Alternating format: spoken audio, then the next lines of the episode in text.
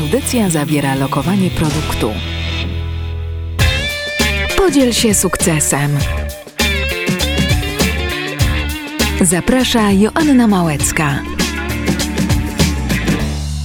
Dobry wieczór Państwu. Mam wtorek, jest godzina 20. Joanna Małecka, witam serdecznie. Tak jechałam tutaj do studia i tak sobie myślałam, że Fajna jest ta audycja, w ogóle fajne jest to radio i w ogóle wdzięczna jestem za Państwa, za to, że jesteście ze mną już tyle lat i za to, że słuchacie nas we wtorki o 20. Ale nie tylko we wtorki, też przez cały tydzień. Mm. No i w ogóle tak za moich gości jestem wdzięczna. W ogóle myślę, że przed czas, że powinniśmy być wdzięczni za to, co nas otacza i za to, co mamy. E, no i jest miejsce w Poznaniu, które powstało całkiem niedawno, za które myślę, że też powinniśmy być wdzięczni, bo to nasza historia, to kawał dobrej roboty. E, no i myślę, że jeżeli Państwa jeszcze tam nie było, to najwyższy czas to miejsce zobaczyć. I to jest Centrum Szyfrów Enigma przy ulicy Święty Marcin. A jak ono powstawało? No właśnie. I oto pytanie właśnie zadam za chwileczkę moją i Państwa e, gościowi. Szymon Mazur jest ze mną w studiu. Witam. Dobry wieczór, witam Państwa. Panie Szymonie, Pan tak biegał, biegał, biegał, chodził, rozmawiał i wychodził Pan to Centrum Szyfrów Enigma. No tak. Tak trochę wygląda ta historia. Była to, była to e, naprawdę długa droga, długi marsz, tak jak w Chinach. E, to trwało kilkanaście lat, także e, no, wymagało troszkę biegania, ale skończyło się sukcesem. Skąd u Pana w ogóle zainteresowanie tematyką Centrum Szyfrów Enigma, w ogóle szyframi? Mhm. No, ja jestem socjologiem z wykształcenia, ale moją pasją jest historia i w związku z tym też, że jestem poznaniakiem, wiele, wiele lat temu już czytałem o Enigmie. Myślę, że wszystkie książki na temat Enigmy, które były dostępne już przeczytałem. Mhm. Mm, obejrzałem też e, filmy i, i, serial e, dosyć dobry, jeszcze nakręcony w, w latach 80. o Enigmie i no, gdzieś to tam we mnie się działo. Uważam, że to jest bardzo, bardzo ciekawy temat, ale mm, no, nie miałem żadnych możliwości, mm, żeby, żeby jakaś wizja, jeszcze wtedy wizja czy, czy Muzeum Enigmy, czy Centrum Szyfrów mhm. absolutnie we mnie nie istniała. Nie? nie myślałem o tym. No, po prostu powiedziałem fajny, fajny, pomyślałem sobie fajny temat i no i okej, okay, e, niech sobie tak będzie. Ale mm, ponieważ mm, jeżdżę troszeczkę po świecie i, i, i moją pasją jest odwiedzanie muzeów, w przeciwieństwie do innych ludzi nie leżę na plaży, nie, nie, znaczy mniej leżę, leżę też na plaży, ale rzadziej. To e, też jest ważne. Tak, tak, staram się łączyć. Chodzę do muzeów, e, lubię to, także do takich centrów e, ekspozycyjnych, nie zawsze to się nazywa muzeum. No i gdzie tylko jestem, odwiedzam takie miejsca, uważam, że, że one są fascynujące. One jakby w takiej pigule, w, w opowiadają historię danego miejsca, w którym jestem. No, zresztą jest tam szansa obcowania z, z jakimiś wspaniałymi dziełami sztuki, ty, czy takimi rzeczami, które są najcenniejsze dla, dla, dla danej społeczności. Jeżeli jakaś rzecz jest cenna, no ta społeczność po pewnym czasie przekazuje to do muzeum. Ten rzeźbę, mhm. jakiś tam łódkę albo żaglówkę, czy, czy, czy tam e, inne dzieło. I ta społeczność pokazuje, o, to jest dla nas cenne, to wybraliśmy mm, i chcemy, żeby także ludzie przyjeżdżający do, do nas to zobaczyli. No i tutaj już pewnie jakieś zaczątki mm, pomysłu kiełkowały, ale tak naprawdę pomysł narodził się mm, dążenia, działania na rzecz, na rzecz Muzeum Enigmy. Y, przy okazji otwarcia, odsłonięcia pomnika kryptologów. Co prawda wcześniej już prowadziłem jakieś działania w tej sprawie, ale, ale malutkie. I e, w momencie, gdy odsłaniał się pomnik kryptologów Poznania, który był, który był dziełem innych ludzi, nie byłem absolutnie z tym związany, byłem dużo młodszy i jakby inne rzeczy zaprzątały moją uwagę.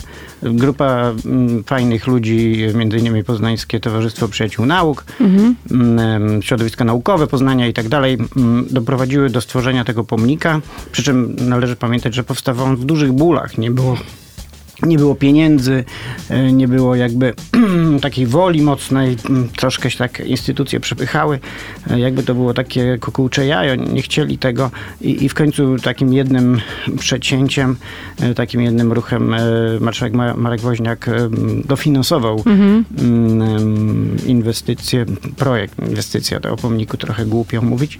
No i ten pomnik powstał. Marek, Marek Woźniak, marszałek Marek Woźniak czuje temat, można powiedzieć, jest, o ile wiem, historykiem z tak. wykształcenia i, i, i ten, ta sprawa Enigmy zawsze leżała mu na sercu tylko miał troszeczkę inną y, wizję promowania Enigmy, bardziej, bardziej chciał te, ten temat promować za granicą i tak dalej ale też y, właśnie wsparł y, pomnik kryptologów Poznania. 2007 rok i został odsłonięty i wtedy było wiele rozmów, rozmaite osoby udzielały wywiadów na ten temat, jaka, jaka jest możliwość promowania jakby promowania miasta Poznania na, na, na, mm, w oparciu o sukces kryptologów.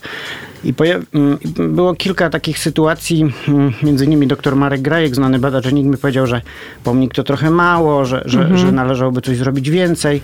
No i też chyba, nie wiem, może dwa tygodnie, może dwa miesiące po odsłonięciu tego pomnika, ja widziałem taką grupę mm, turystów, którzy się wokół tego pomnika kręcili i tak bezradnie zastanawiali, co, co to jest. To, to, byli, to była jak grupa turystów z Azji, pewnie Koreańczycy lub Japończycy, którzy się takimi rzeczami interesują. Tak. Co dalej? Także ja już wtedy, gdzie, co, co jest, jak, jaki jest dalszy punkt?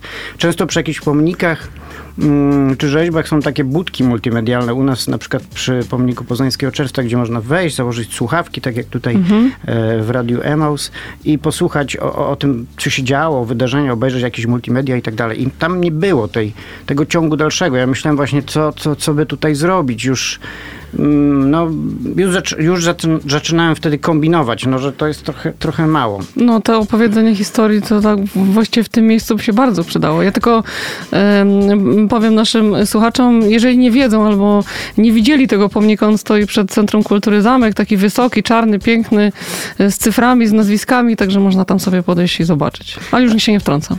E, e, rzeczywiście, ten pomnik jest fajny. On tak. został bardzo dobrze przyjęty przez poznaniaków. Ludzie go lubią. To nie jest jakaś tak, kolejna... On jest przyjazny. Taki. Tak, nie jest to kolejna jakaś rzeźba mm, jakiegoś e, pochylonego nad mhm. książką mhm. poety, czy, czy, czy pisarza, czy naukowca. Mm, jest fajny, jest dobrze pomyślany, przyciąga wzrok, no i przyciąga uwagę, co dalej, gdzie jest jakiś ciąg dalszy.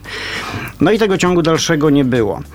Ja pewne działania już wtedy zaczynałem robić, e, między innymi pracując wtedy w radiu, zrobiliśmy dzień z Enigmą na antenie, gdzie, gdzie przez cały dzień e, puszczaliśmy jakieś materiały, audycje czy, czy rozmowy na temat e, Enigmy i, i kryptologii, łamania szyfrów i tak dalej i, i związków tego tematu z Poznaniem, ale to też jeszcze było ciągle za mało, ale już tam zasiewałem, Zalążek był. zasiewałem tak. ziarno, można powiedzieć. Próbowałem tak, ja miałem życzliwe życzliwe wsparcie e, jakby mojej firmy.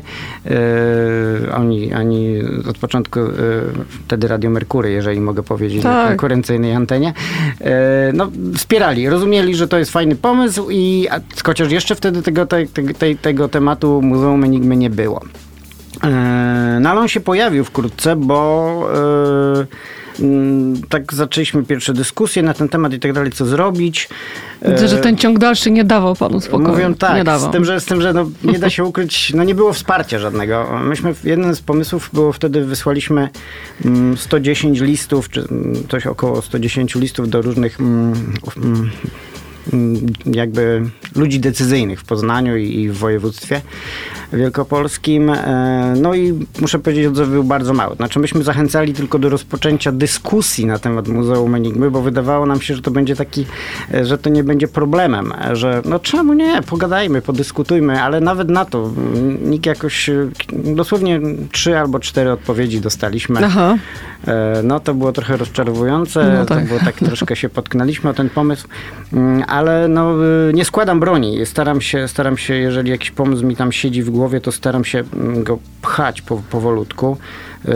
Yy, też czuję się jako, czuję się aktywistą społecznym i to nie jest mój jedyny projekt. Kilka tam innych pcham lub pchałem i, i tak wiem, że to, to zajmuje trochę czasu, że, że, że kilka lat, czasem kilkanaście, yy, tak jak w tym przypadku to zajmuje. No i, i no, no ten, ten, ta bezradność taka po, po tym braku od, odzewu na nasze, na nasze listy yy, wysłaliśmy z moim kolegą Adamem Sołtysiakiem, dziennikarzem yy, radia i, i nie ma odzewu. I co tutaj zrobić No dalej? właśnie. No i no, pojawiło się wtedy coś, bo wtedy zaczęły się pierwsze budżety obywatelskie w Polsce. W Poznaniu także.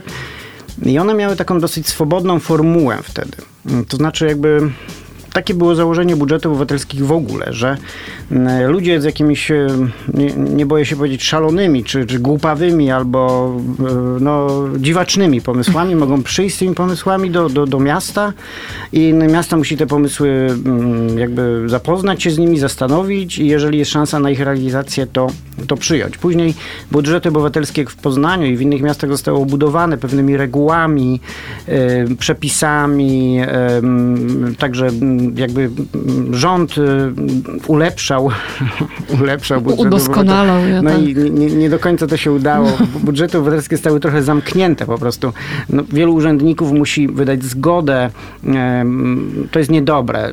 Jeżeli chcemy działać na przykład na jakimś obiekcie, to musimy mieć zgodę. Czyli na przykład jeżeli chcemy e, wprowadzić światła na skrzyżowaniu, e, na którym tych świateł nie ma, to musimy mieć zgodę na przykład ZDM-u. No to jest, to jest dziwne. E, Nie tak miało być z budżetem obywatelskim. No nie, bo to raczej mieszkańcy mieli To decydować, tak czy właśnie, te że- światła że ja- będą, że, czy nie. Że ja z jakimś pomysłem, y, z którym nie mam gdzie pójść, no po prostu oprócz tych listów, tam jakieś różne inne działania, Mhm. mm, staraliśmy się chwytać urzędników za łokieć, za, za rękaw, żeby on tutaj jeszcze wtedy mm, w radiu do mikrofonu coś powiedział, Mm, ale nie, tak wszyscy odpychali to od siebie bardzo z dystansem.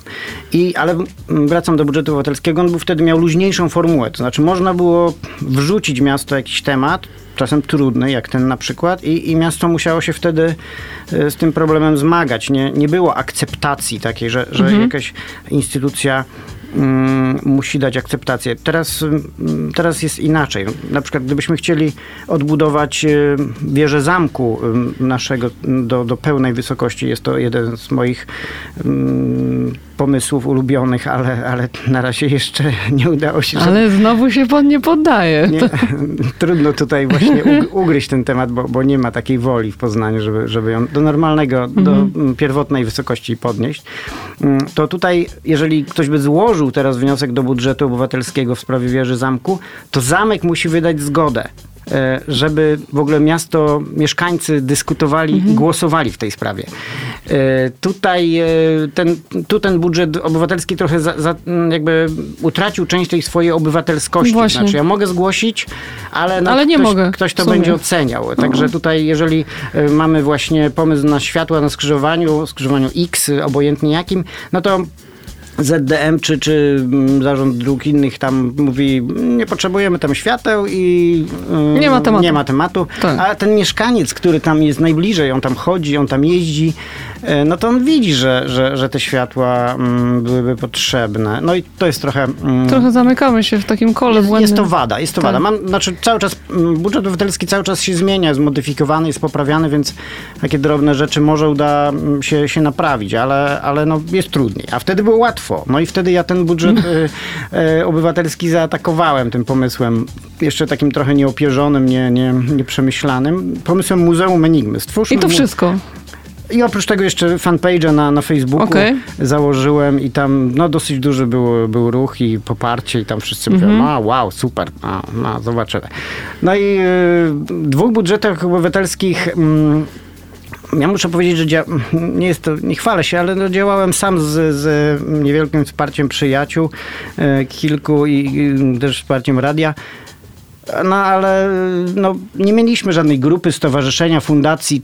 Często takie organi- takim organizacjom łatwiej w budżecie obywatelskim zawalczyć. Jeżeli chcą e, jakiegoś ogrodu mm, czy urządzenia parku, no to stuosobowa grupa e, działająca w fun- fundacji, na przykład nie wiem, nasze Jeżyce, ma dużo większą siłę niż, niż e, czterech kolegów, prawda, którzy Jasne. sobie tam obmyślili ten temat przy kawie w, w, w kawiarni.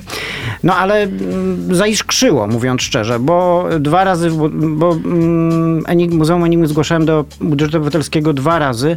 Mm, nie wszedł ten projekt do, do tej finałowej trójki czy piątki tych projektów, które są potem realizowane, ale Mhm. miał em, duży odzew. No, na dzisiejsze warunki to naprawdę musiało być realizowane, bo on miał wtedy chyba 6,5 tysięcy głosów e, w, w, w każdej z edycji, więc w sumie tam około 11 tysięcy. Dużo. To jest dużo. No, no, dzisiaj, dzisiaj wygrywają projekty o dużo mniejszym poparciu. Tysiąc wystarczy głosów zebrać, dwa tysiące. Troszkę budżet obywatelski jest inny, teraz jest podzielony na dzielnice i tak dalej. Mm, Są pewne ograniczenia. Yy, No, taki duży projekt yy, nie mógłby też, trudno byłoby go przefo- prze, przeprowadzić przez budżet obywatelski, bo te, bo te kwoty w budżecie obywatelskim są w jakiś sposób też ograniczone, prawda? No wiadomo, że muzeum Enigmy, czy w ogóle muzeum, no musi kosztować 10-15 milionów. Zresztą ja w swojej nieświadomości zgłosiłem dosyć małą kwotę tego muzeum, taką zachęcającą, tam 500 tysięcy. No to faktycznie. Wydaje mi się, że to, znaczy w moim założeniu to były pieniądze na, na, na, na projekt, Mhm. jakby opracowanie wizji powiedzmy sobie, no to by na pewno wystarczyło. Mm, Jakby na szczęście nikt nie zablokował tego, tego pomysłu właśnie z tego powodu, że, że, że jest nierealny, ale ja, ja, ja wrzucałem jakby do budżetu obywatelskiego swój pomysł, a co zrobi z tym mm, odbiorca, czyli miasto, no to już jest po stronie miasta, prawda? E, miasto mogłoby na przykład zrobić jakąś malutką izbę pamięci w, w zamku, e, tuż obok tego pomnika i byłaby sprawa załatwiona. Mogło zrobić właśnie ten kiosk multimedialny, o którym mówiłem wcześniej i też byłaby w pewnym Tak. sensie sprawa załatwiona. Te, te, te, mm, ci, ci mm, turyści byliby w jakiś sposób zaspokojeni. Pomyślałem tam, żeby em, były takie świecące stopy na chodniku i one prowadziły właśnie do tego kiosku multimedialnego, gdyby on miał powstać i, i tam mieli sobie słuchać. Tak już myślałem, że, że tylko na tym się skończy. Ale na szczęście nie. Te kilkanaście tysięcy głosów jednak em, zostało zauważonych i tutaj pojawił się naprawdę mm, dobry człowiek, mąż opatrznościowy tego projektu, y, wtedy radny, a dzisiaj wiceprezydent Mariusz Wiśniewski. E, Wiceprezydent Wiśniewski jest lubi historię też, to, jest tutaj Pozdrawiamy pana sprawa. prezydenta Pozdrawiamy i dziękujemy nieustannie. Tak. E, No, lubi historię, nie ukrywa tego e, i też e, no, jest na tym, na tym punkcie wrażliwy, zna, zna to zagadnienie, też oglądał ten serial, o którym wspominałem, no i on od początku wspierał. Wtedy był radnym, później był wiceprezydentem i, i do dzisiaj jest. I jakby on doprowadził mm, ten projekt do realizacji. No, co ja mogłem, prawda? Ja, ja, ja byłem tylko zwykłym mieszkańcem Poznania. Mm, I Mariusz Wiśniewski na miarę swoich możliwości wspierał ten projekt. To znaczy najpierw mm, odbyła się normalna dyskusja, debata na komisjach Rady Miasta, e, na Komisji Rewitalizacji, e, bo ten pomysł też zakładał właśnie ożywienie pewnej części miasta jeszcze, jeszcze jakby e, nie mieliśmy lokalizacji, ale, ale tak się dzieje na świecie. To jest wykorzystywane, że, że w takiej jakby odludnej czasem e, dzielnicy miasta lokalizuje się jakiś interesujący obiekt, no i ta dzielnica się zmienia. To, to się stało na przykład, możemy zobaczyć w Gdańsku, Muzeum, Muzeum II wojny światowej Tak. i y, C- Centrum Solidarności jakby ożywiło taką zap- zapomnianą y, część miasta, taką zniszczoną, zdegradowaną i tak dalej. U nas też to się udało. Mm, Warto zobaczyć, zastanowić się, jak wyglądała śródka przed bramą Poznania. Dokładnie, właśnie to chciałam E, powiedzieć. Brama Poznania zaczęła promieniować jakby na Tak. okolice i, i powstały kawiarnie, restauracje, dzielnica dostała nowego impulsu. y, No, miasto zauważyło, że trzeba inwestować w Ostrów Tumski jako taki. No, zaczęło się tam dużo dziać. No, stało się to wreszcie jakby ciekawe miejsce, atrakcyjne. Y, No tam się przychodzi. No nie tylko do tej bramy Poznania. Nie, No, nawet na spacer tam przyjemnie się teraz tak, ludzie już przychodzi. byli w bramie Poznania raz i teraz przychodzą na śródkę po prostu pospacerować, bo, bo, bo było tam fajnie. Tak, Gdy- do, ma- mamy dobre wspomnienia z tego Także, miejsca. także bywa, że na zachodzie, czy, czy w Polsce i, i w, w Europie dzieją się takie rzeczy, że właśnie taki punkt promieniuje i, Mhm. e, i działa ożywia, ożywiająco jakby na dzielnicę, czyli re- rewitalizacja. I, i to, to było też zadanie w owym czasie Mariusz Wiśniewski, radny, był przewodniczącym Komisji Rewitalizacji Rady Miasta Poznania. I tam mm, no to były te kolejne kroki, można powiedzieć, na drodze do powstania Muzeum Enigmy, bo wtedy funkcjonowało to, ten projekt funkcjonował pod taką nazwą. I tak pod taką nazwą był wrzucany do mm, budżetu obywatelskiego zgłaszany i, i tam i, i pracował jakby na swoją nazwę.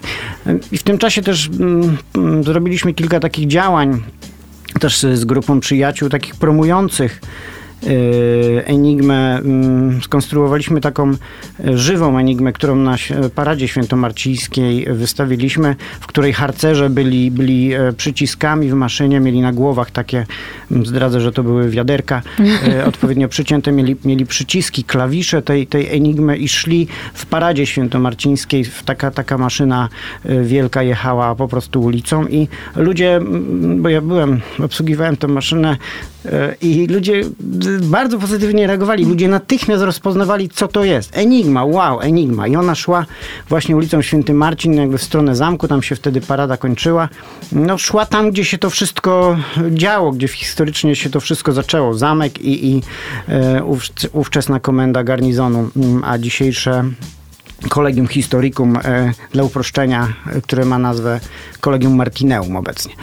I, i, i, to, I było jeszcze kilka takich działań właśnie, właśnie drobnych, e, czy, czy też jeszcze na antenie e, radia, czy po prostu takich wywiadów, jak tutaj dzisiaj w Radio Emaus udzielam. Czyli cały czas deptaliście, taki, taki cały lo, czas tak lobbying, powoli, takie tak. lekkie, lekkie wywieranie, wywieranie presji, czasem takie właśnie no, alarmistyczne jakieś telefony do, do um, ludzi, którzy już w to byli mhm. zaangażowani, mm czy też do pana prezydenta. Nic, nic się nie dzieje, zróbmy coś, działajmy i tak dalej. No ale mm, nie było jakby warunków. Też e, oczywiście nie było pieniędzy.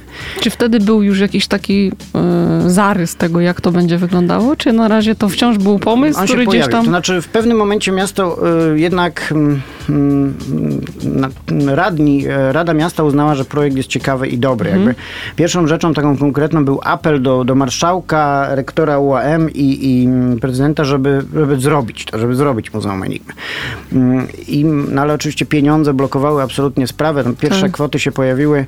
Mm, miasto też decydowało, dokładnie nie pamiętam jakby mm, dat, bo się działo się tak dużo, że, że niestety e, już mojej pamięci się to zatarło, ale też jakby mm, pojawił się ten pomysł szyfrokontenera, który potem stał pod zamkiem, czyli takiego zapowiedzi Muzeum Enigmy, ale do tego jeszcze, do tego jeszcze wrócę. No i e, miasto zdecydowało wtedy wnioskować do WRPO, czyli e, po środki unijne na ten cel. I jakby jeszcze nie wiedząc, ile będzie Muzeum Enigmy kosztowało, zawnioskowało 10 milionów. E, no to była wtedy znaczna kwota i ja byłem troszkę w ten projekt zaangażowany, to znaczy na tych pierwszych moich pomysłach, które, które ja dla miasta napisałem i dla, dla Komisji Rady Miasta. Mm, ten wniosek był jakby oparty y, częściowo y, i ponieważ musiał być złożony bardzo szybko, często właśnie terminy gonią, no to częściowo ten, ten jakiś tam pierwszy projekt napisany jeszcze przez, przeze mnie zupełnie bez jakichś konsultacji z fachowcami i tak dalej, tam się pojawił. Cały czas funkcjonowała ta nazwa Muzeum Enigmy. I czyli jakby, gdy okazało się, że mm, wniosek do WRP został złożony, no to już e, to jest poważna sprawa, to już no żartów tak. nie ma, znaczy, to znaczy, że decyzja zapadła, tak, że, że, że, że robimy. Że robimy, że muzeum powstanie. Później oczywiście mm, no, rosły koszty tej inwestycji, mm, powstał realny, realny e, plan narracji w muzeum, jego, jego, jego wnętrze, musiał powstać projekt oczywiście architektoniczny i tak dalej, także w kolejnych latach to wszystko to wszystko mm, powstawało. No ten cały proces jakby lobbowania w sprawie Muzeum Enigmy trwał jakieś 9 lat, a sam proces realizacji tylko 2 lata. To w sumie 11 lat zajęło. Że tak około... panu się nie znudziło. Potem już jakby, ja już potem... E, to jest niebywałe. Potem się tylko przyglądałem, muszę powiedzieć, e, bo już jakby, mm, gdy, gdy siła, rzecz nabrała jakby, jakby rozpędu, no to już urząd, urząd miasta i z Urzędem Marszałkowskim to realizowali oraz instytucje, firmy, które, które projektowały muzeum, więc ja już wtedy tylko mm, e, kibicowałem, będąc konsultantem do końca, do końca jakby do, do momentu otwarcia byłem takim konsultantem społecznym e, dzisiejszego Centrum e, Szyfrów Enigma i no jest tam kilka pomysłów, które, które właśnie w toku takich rozmów ze znajomymi pasjonatami historii, pasjonatami szyfrów, matematyki, które właśnie wymyślaliśmy. Co, co, co wam się najbardziej podobało w Muzeum X, w którym byliście? Mm, przypomnijcie sobie i opowiedzcie mhm. mi teraz o tym, a my spróbujemy to, to, to w jakiś sposób wdrożyć, przełożyć na ten język Centrum Szyfrów i, i, i wdrożyć. No, między innymi jest taka może już do, do, do Zajrzyjmy na chwilę do tego Centrum Szyfru Enigma, które działa tam na końcu ekspozycji jest taka gra UBOT, gdzie, gdzie właśnie zdobywa się Enigmę i dokumenty z Enigmy w niemieckim okręcie podwodnym na czas, ponieważ okręt tonie. No i była tak, był to pomysł na, pomysł na escape room, rzecz, która dzisiaj robi karierę, znaczy jest bardzo popularna tak. wśród młodych ludzi, takie zabawy w escape roomy i to był właśnie, z tego się wyłonił ten pomysł, że escape room z pewnych względów technicznych e, trzeba było mm, odpuścić, ale grę taką, gdzie, gdzie człowiek właśnie ma do zrealizowania misję opartą na prawdziwych wydarzeniach z II wojny światowej, gdzie e, brytyjscy e, marynarze zdobyli mm, tajne dokumenty na, na tonącym okręcie niemieckim. Także mm, tych pomysłów tam było troszeczkę. Ale sprawa już biegła swoim, wracam do realizacji projektu y, Urząd Marszałkowski e, przyjął, y, przyjął projekt życzliwie, ten projekt był dobrze napisany, no i dotacja została przyznana. E, no, była to wielka radość, sukces i tak dalej, no ale wtedy zaczęła się taka prawdziwa praca, czyli, mhm. czyli opracowywanie rzeczywistych, prawdziwych dokumentów, projektów, pomysłów i tak dalej. E, no było, było dużo, dużo roboty z tym. I mm, dobra firma wybrana do tego, żeby zrealizować projekt e, New Amsterdam z Krakowa, która właśnie się mm, mm, specjalizuje w realizacji takich tak zwanych muzeów narracyjnych, czyli które niekoniecznie mają eksponaty, mhm. bo nimi nie dysponują, bo czasem ich nie ma z jakiegoś powodu, bo temat jest trudny, bo nie, bo nie istnieją. No szpiegostwo, szyfry, kryptologia to są takie tematy, gdzie nie ma za bardzo eksponatów, albo są zniszczone zostały, albo są tajne, albo ich nigdy nie było, mhm. albo nie kręcono też filmów, nie robiono zdjęć. Mm, stąd jakby realizujący projekt musiał działać na wytworzyć po prostu, wytworzyć narrację, opowieść o tych, o tym, o tych szyfrach i e, odpowiednie obiekty, które potem w tym Centrum Szyfrów Enigma pokażemy, żeby, żeby ludzie mogli sobie je obejrzeć, dotknąć i tak dalej. I to chyba wydaje się nawet trudniejsze niż po prostu postawienie eksponatu. Jasne, bo oczywiście od początku było dla nas oczywiste, że nie będzie to muzeum zwykłe. No po pierwsze mhm. nie ma tych eksponatów. Po drugie, no ludzie się jakby troszeczkę, to jest dziwne, ja się z tym nie zgadzam, że ludzie, niektórzy są trochę zniechęceni do muzeów, bo widzieli w dawnych latach szczególnie seniorzy, widzieli w dawnych latach takie muzea w nie obrażając muzea regionalne w małych miejscowościach, gdzie jest na kupie rzuconych wiele roz, rozmaitych eksponatów z, z, różnych, e, nie ma tam żadnej, żadnego klucza i no jeżeli ktoś widział takie muzeum, no to myśli sobie o muzeum jak najgorzej. Natomiast no ja już tak. widziałem w owym czasie zachodnie muzea, czy, czy nawet niedaleko w Berlinie, czy, e, czy gdzieś tam e, i one już są zupełnie czymś innym. To mhm. nowoczesne muzeum nie jest takim muzeum regionalnym w miejscowości jakiejś tam. Także Także, ale mm, ja rozumiem to, że, że mm, zmierzano w stronę po prostu centrum edukacyjno rozrywkowego, a nie w stronę mhm. muzeum. I to jest dobry pomysł. Tak. Okej.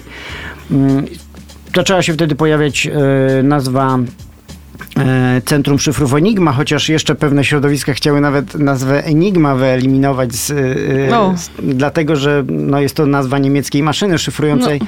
Ja tak nie uważam. E, no, Enigma jest pewną ikoną. To jest jakby ikona techniki, tak jak, no nie wiem, iPhone albo, albo Volkswagen, prawda? Ona niesie za sobą pewne, pewny przekaz. Poza tym Enigma to znaczy po grecku tajemnica, więc Centrum Szyfrów Tajemnica, gdyby tak to w rzeczywistości przetłumaczyć, to dobrze brzmi jest jakby rozpoznawalna dla ludzi z zagranicy, a w Polsce tym bardziej. Enigma tak. jest doskonale, mimo wszystko, mimo że mówi się, że nie znamy historii, to Enigma jest do, dobrze. Enigma akurat znamy w tej historii. Tak, tak jest. I, ten, e, i, I, właśnie wtedy jakby od Muzeum Enigmy, ta rozmowa nasza, może tak, mm, można tak ją zatytułować właśnie, że od Muzeum Enigmy do Centrum Szyfrów Enigma.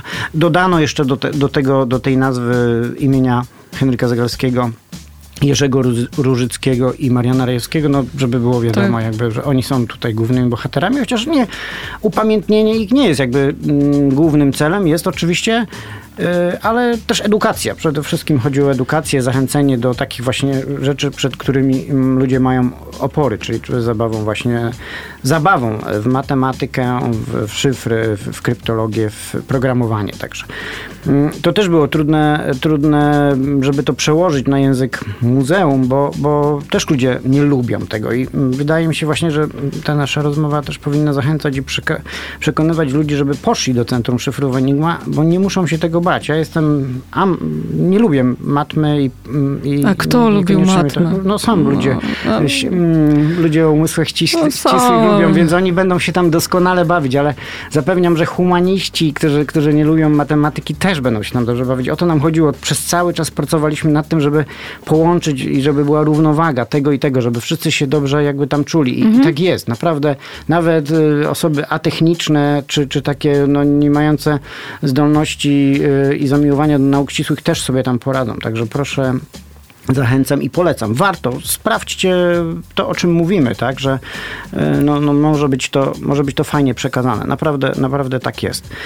I no, kolejne działania to już było tylko realizacja, mm, realizacja projektu. Oczywiście też znalezienie miejsca do, do mm, domu dla centrum domu utworzenia tego, bo tutaj pewne miejsca były oczywiste. Zamek mógł, mógł, się do tego nadawać właśnie też y, od początku kolegium historykum, ale był taki szalony pomysł, że będzie to w Galerii Śluza na, na Ostrowie Tumskim. Ten pomysł do dzisiaj no jakby traktujemy jako, jako dziwaczny, ale wiadomo było, że Poznańskie Centrum Dzie, Dzie, Dziedzictwa przejmie y, nadzór nad Centrum Szyfrów, więc być może y, śluza, która nie, mia, nie było wtedy, Galeria Śluza, nie było wtedy pomysłu na nią. Ona się mieści po drugiej stronie Bramy rzeki Poznania. Bramy Poznania. Tak. I, I była w owym czasie jeszcze jakby nie zagospodarowana. I był też pomysł, żeby tam zlokalizować Muzeum Enigmy. Byłoby fatalne. To nie miało daleko, żadnego, gdzie Ale tam? też związku żadnego nie miała nie, jakby z nie. miejscem.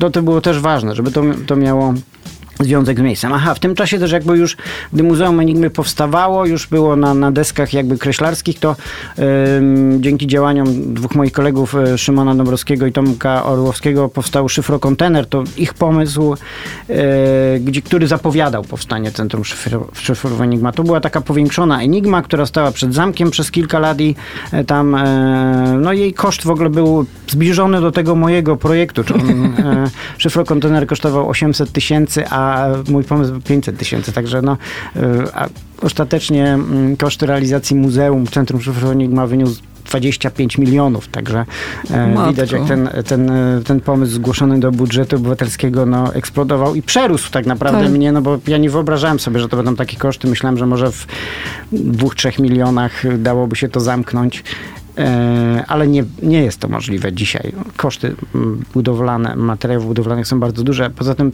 potrzebna była przebudowa Wydziału, budynku Wydziału Historycznego, dawnego budynku KW PZPR przy ulicy Kościuszki Święty Marcin, bo wreszcie to miejsce wybrano na na siedzibę Centrum Szyfrów Enigma, dlatego że w tym miejscu przed wojną mieściła się mhm. komenda garnizonu, e, gdzie, gdzie kryptolodzy pracowali. Oni pracowali tam w, e, od powiedzmy 30 do 32 roku, więc bardzo krótko, ale wtedy rzeczywiście jakby zajęli się pie, e, Enigmą po raz pierwszy, Enigmą nie do końca jeszcze, bo, bo szyframi niemieckimi generalnie i tam poznaniacy po prostu badali i próbowali łamać szyfry niemieckie. Była to taka zaczątek ich pracy i później w 1932 we wrześniu przenieśli się do Warszawy i tam warto zwrócić uwagę, we wrześniu rozpoczęli pracę w Warszawie, a już w grudniu złama, złamał Rejewski Enigmę, także mhm. był to mózgowiec wybitny, tak trzeba powiedzieć.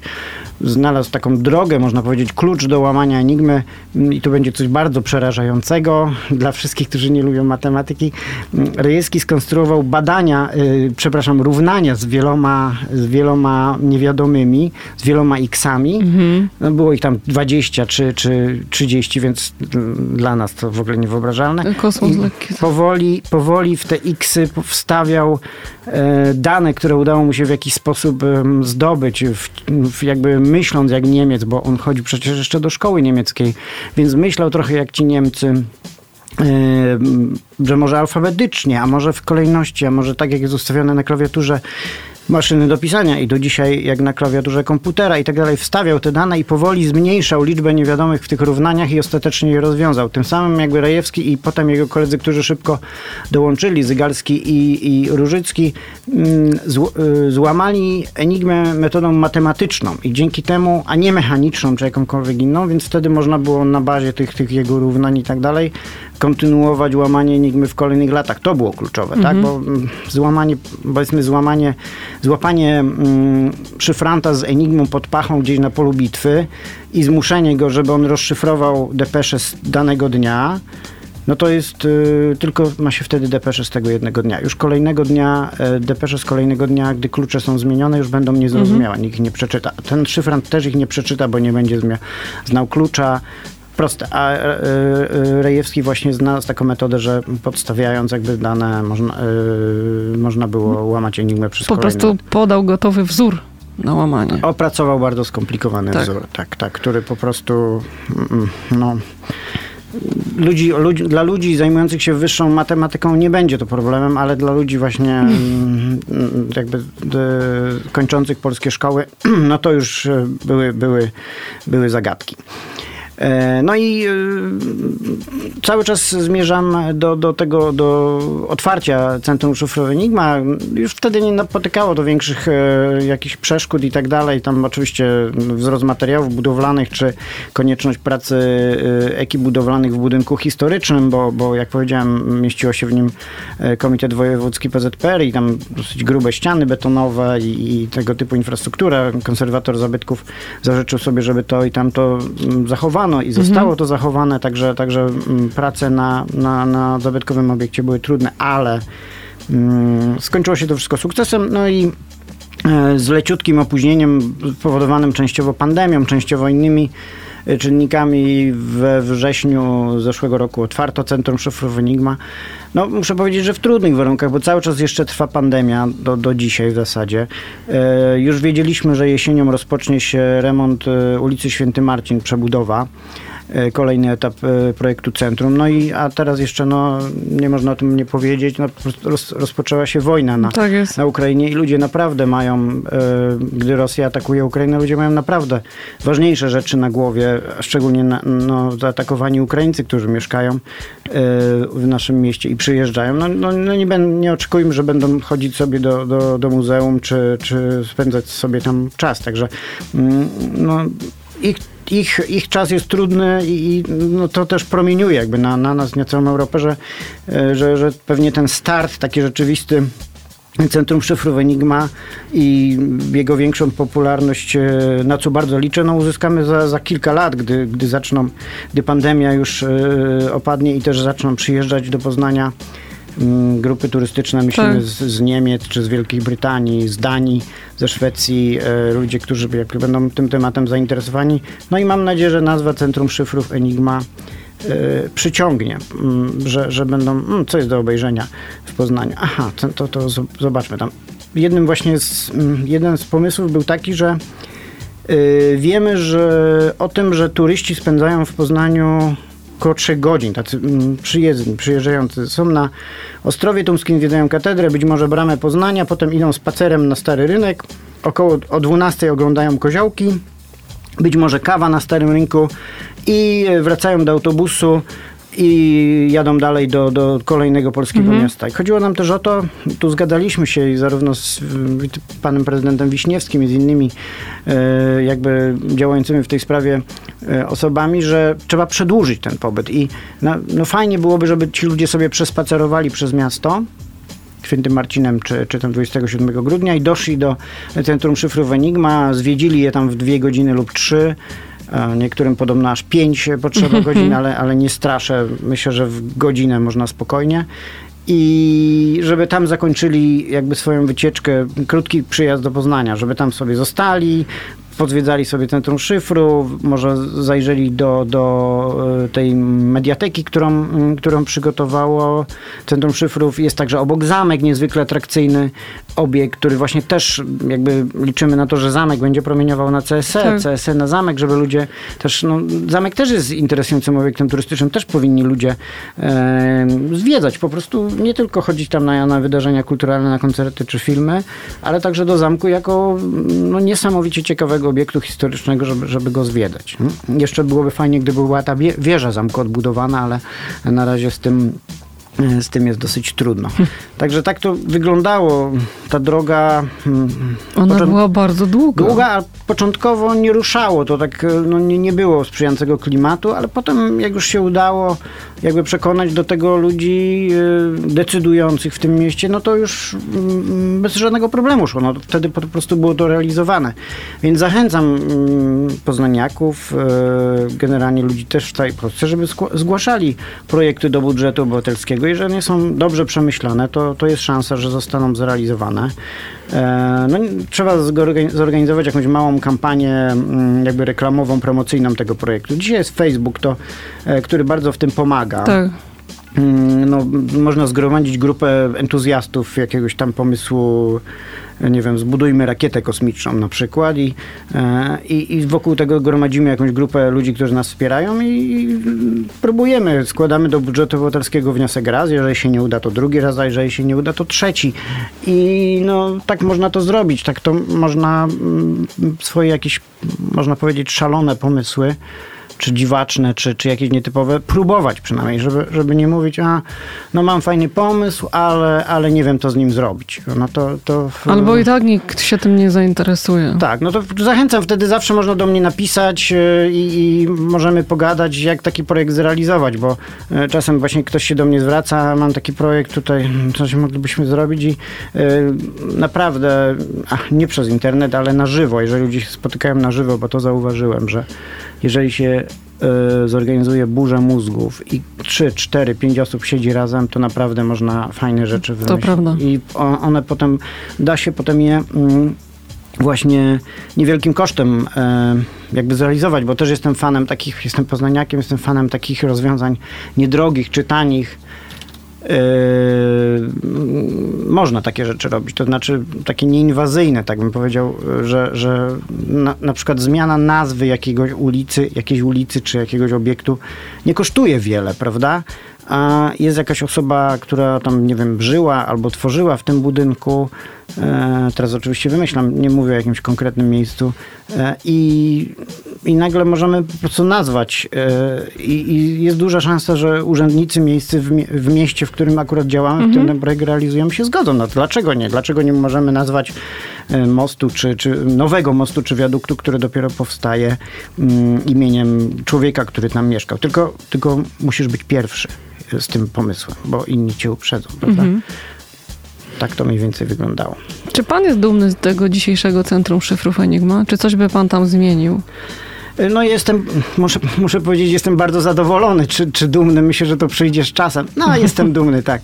Yy, czy bym coś zmienił? No, mi, mi, się wydawało, nam się wydawało, że musi być większe to, to Centrum Szyfrów Enigma, że jedno piętro kolegium historykum to za mało, ale jest ok.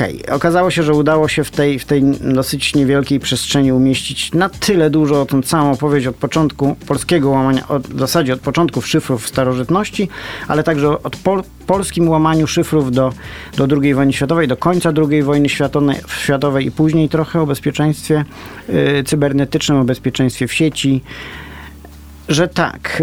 Y, to jest bardzo, to jest bardzo dobre, to jest bardzo dobre muzeum, bardzo dobre centrum edukacyjno-rozrywkowe. Ja muszę powiedzieć, że jestem za blisko do tego, żeby y, ocenić to obiektywnie, ale dostaję bardzo dużo, dużo sygnałów od ludzi nieprzekonanych do tego typu miejsc. Mówią świetne, super. Warto iść. E, warto iść. Dwie godziny to za mało. Muszę wrócić.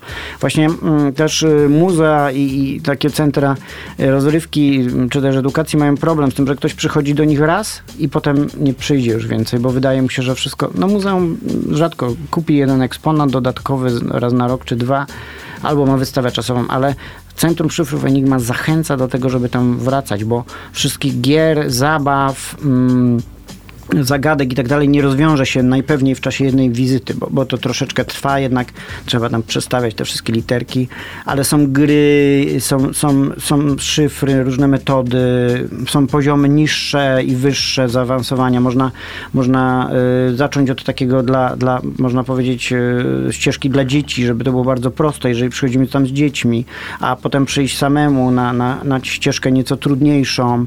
Można taką ścieżką historyczną trochę pójść, jest naprawdę, jest naprawdę dobrze.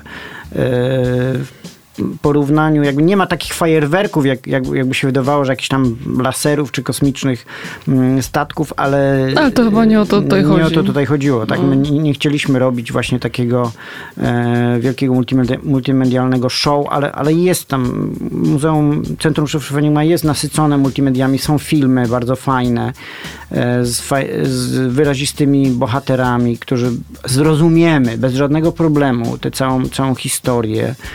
E, jak to się działo. E, jest to przystępne. Chociaż wydaje się z nazwy Centrum że nie, ale jest to bardzo dobrze opowiedziane. Zapraszamy Państwa w takim razie do Centrum Szyfrów Enigma. Okazuje się, proszę Państwa, że jak ktoś ma jakiś pomysł i on jest fajny, to warto o niego walczyć. Czego przykładem jest Szymon Mazur, nasz dzisiejszy gość. Dziękuję, że zgodził się Pan tutaj dzisiaj przyjść opowiedzieć o Centrum Szyfrów Enigma. Dziękuję bardzo. O miejscu, które powstało trochę z pasji też, no bo nie oszukujmy się, ale trzeba mieć odrobinę pasji, wiedzy, historii w sercu, żeby dążyć do czegoś takiego. Tak i dlatego zachęcam do właśnie chociażby do tego... Piszcie do, do tego Pana! Nie, piszcie, pomoże. Piszcie do budżetu obywatelskiego. Nie, nie, nie ja, ja nie pomogę, ja mogę tylko doradzić. Piszcie, piszcie do budżetu obywatelskiego, składajcie wnioski, a nawet nie, a nawet piszcie po prostu do, znajdźcie urzędnika, który się zajmuje daną sprawą i, i piszcie do niego po prostu maile. Mam taki, a taki pomysł, może moglibyśmy... Zróbmy coś. Zróbmy to i zróbmy coś, tak jest. Mhm. Naprawdę to działa. No, jeden mail nie zadziała, ale 10, 15 powinno zadziałać. No to było 11 lat. I 110 maili, na które... Dwie odpowiedzi. Tak jest. Ale Proszę skończyło Państwa, się warto, sukcesem. Ale warto. warto. Zachęcamy wszystkich Państwa, jeżeli Państwo jeszcze nie byli, do odwiedzenia Centrum Szyfrów Enigma, ale też innych y, fantastycznych miejsc, których w Poznaniu nie brakuje. E, dziękuję za to pasjonujące spotkanie i tą lekcję trochę historii dla nas i takiego niepoddawania się w walce o spełnienie też trochę marzeń, pasji, w walce o to, żeby ta historia z nami została na zawsze. E, dziękuję Państwu, dziękuję Panu, Panie Szymonie. Mam nadzieję, że jeszcze kiedyś się spotkamy, bo myślę, że pomysłów ma pan mnóstwo, więc może kiedyś coś jeszcze zostanie zrealizowane. E, Dziękuję bardzo. Chętnie o tym porozmawiam. No, państwu życzymy dobrego wieczoru i co? Weekend się zbliża. Co prawda wtorek mamy, ale weekend przed nami. E, zachęcamy do odwiedzenia muzeum i pobawienia się trochę w e, szyfry, połamania ich trochę. Na pewno państwo nie pożałują, a wręcz zabiorą kolejnych ze sobą. I Liczymy potem. Tak jest. Dobrego wieczoru, proszę Państwa. Dziękuję bardzo i do usłyszenia za dwa tygodnie. Podziel się sukcesem.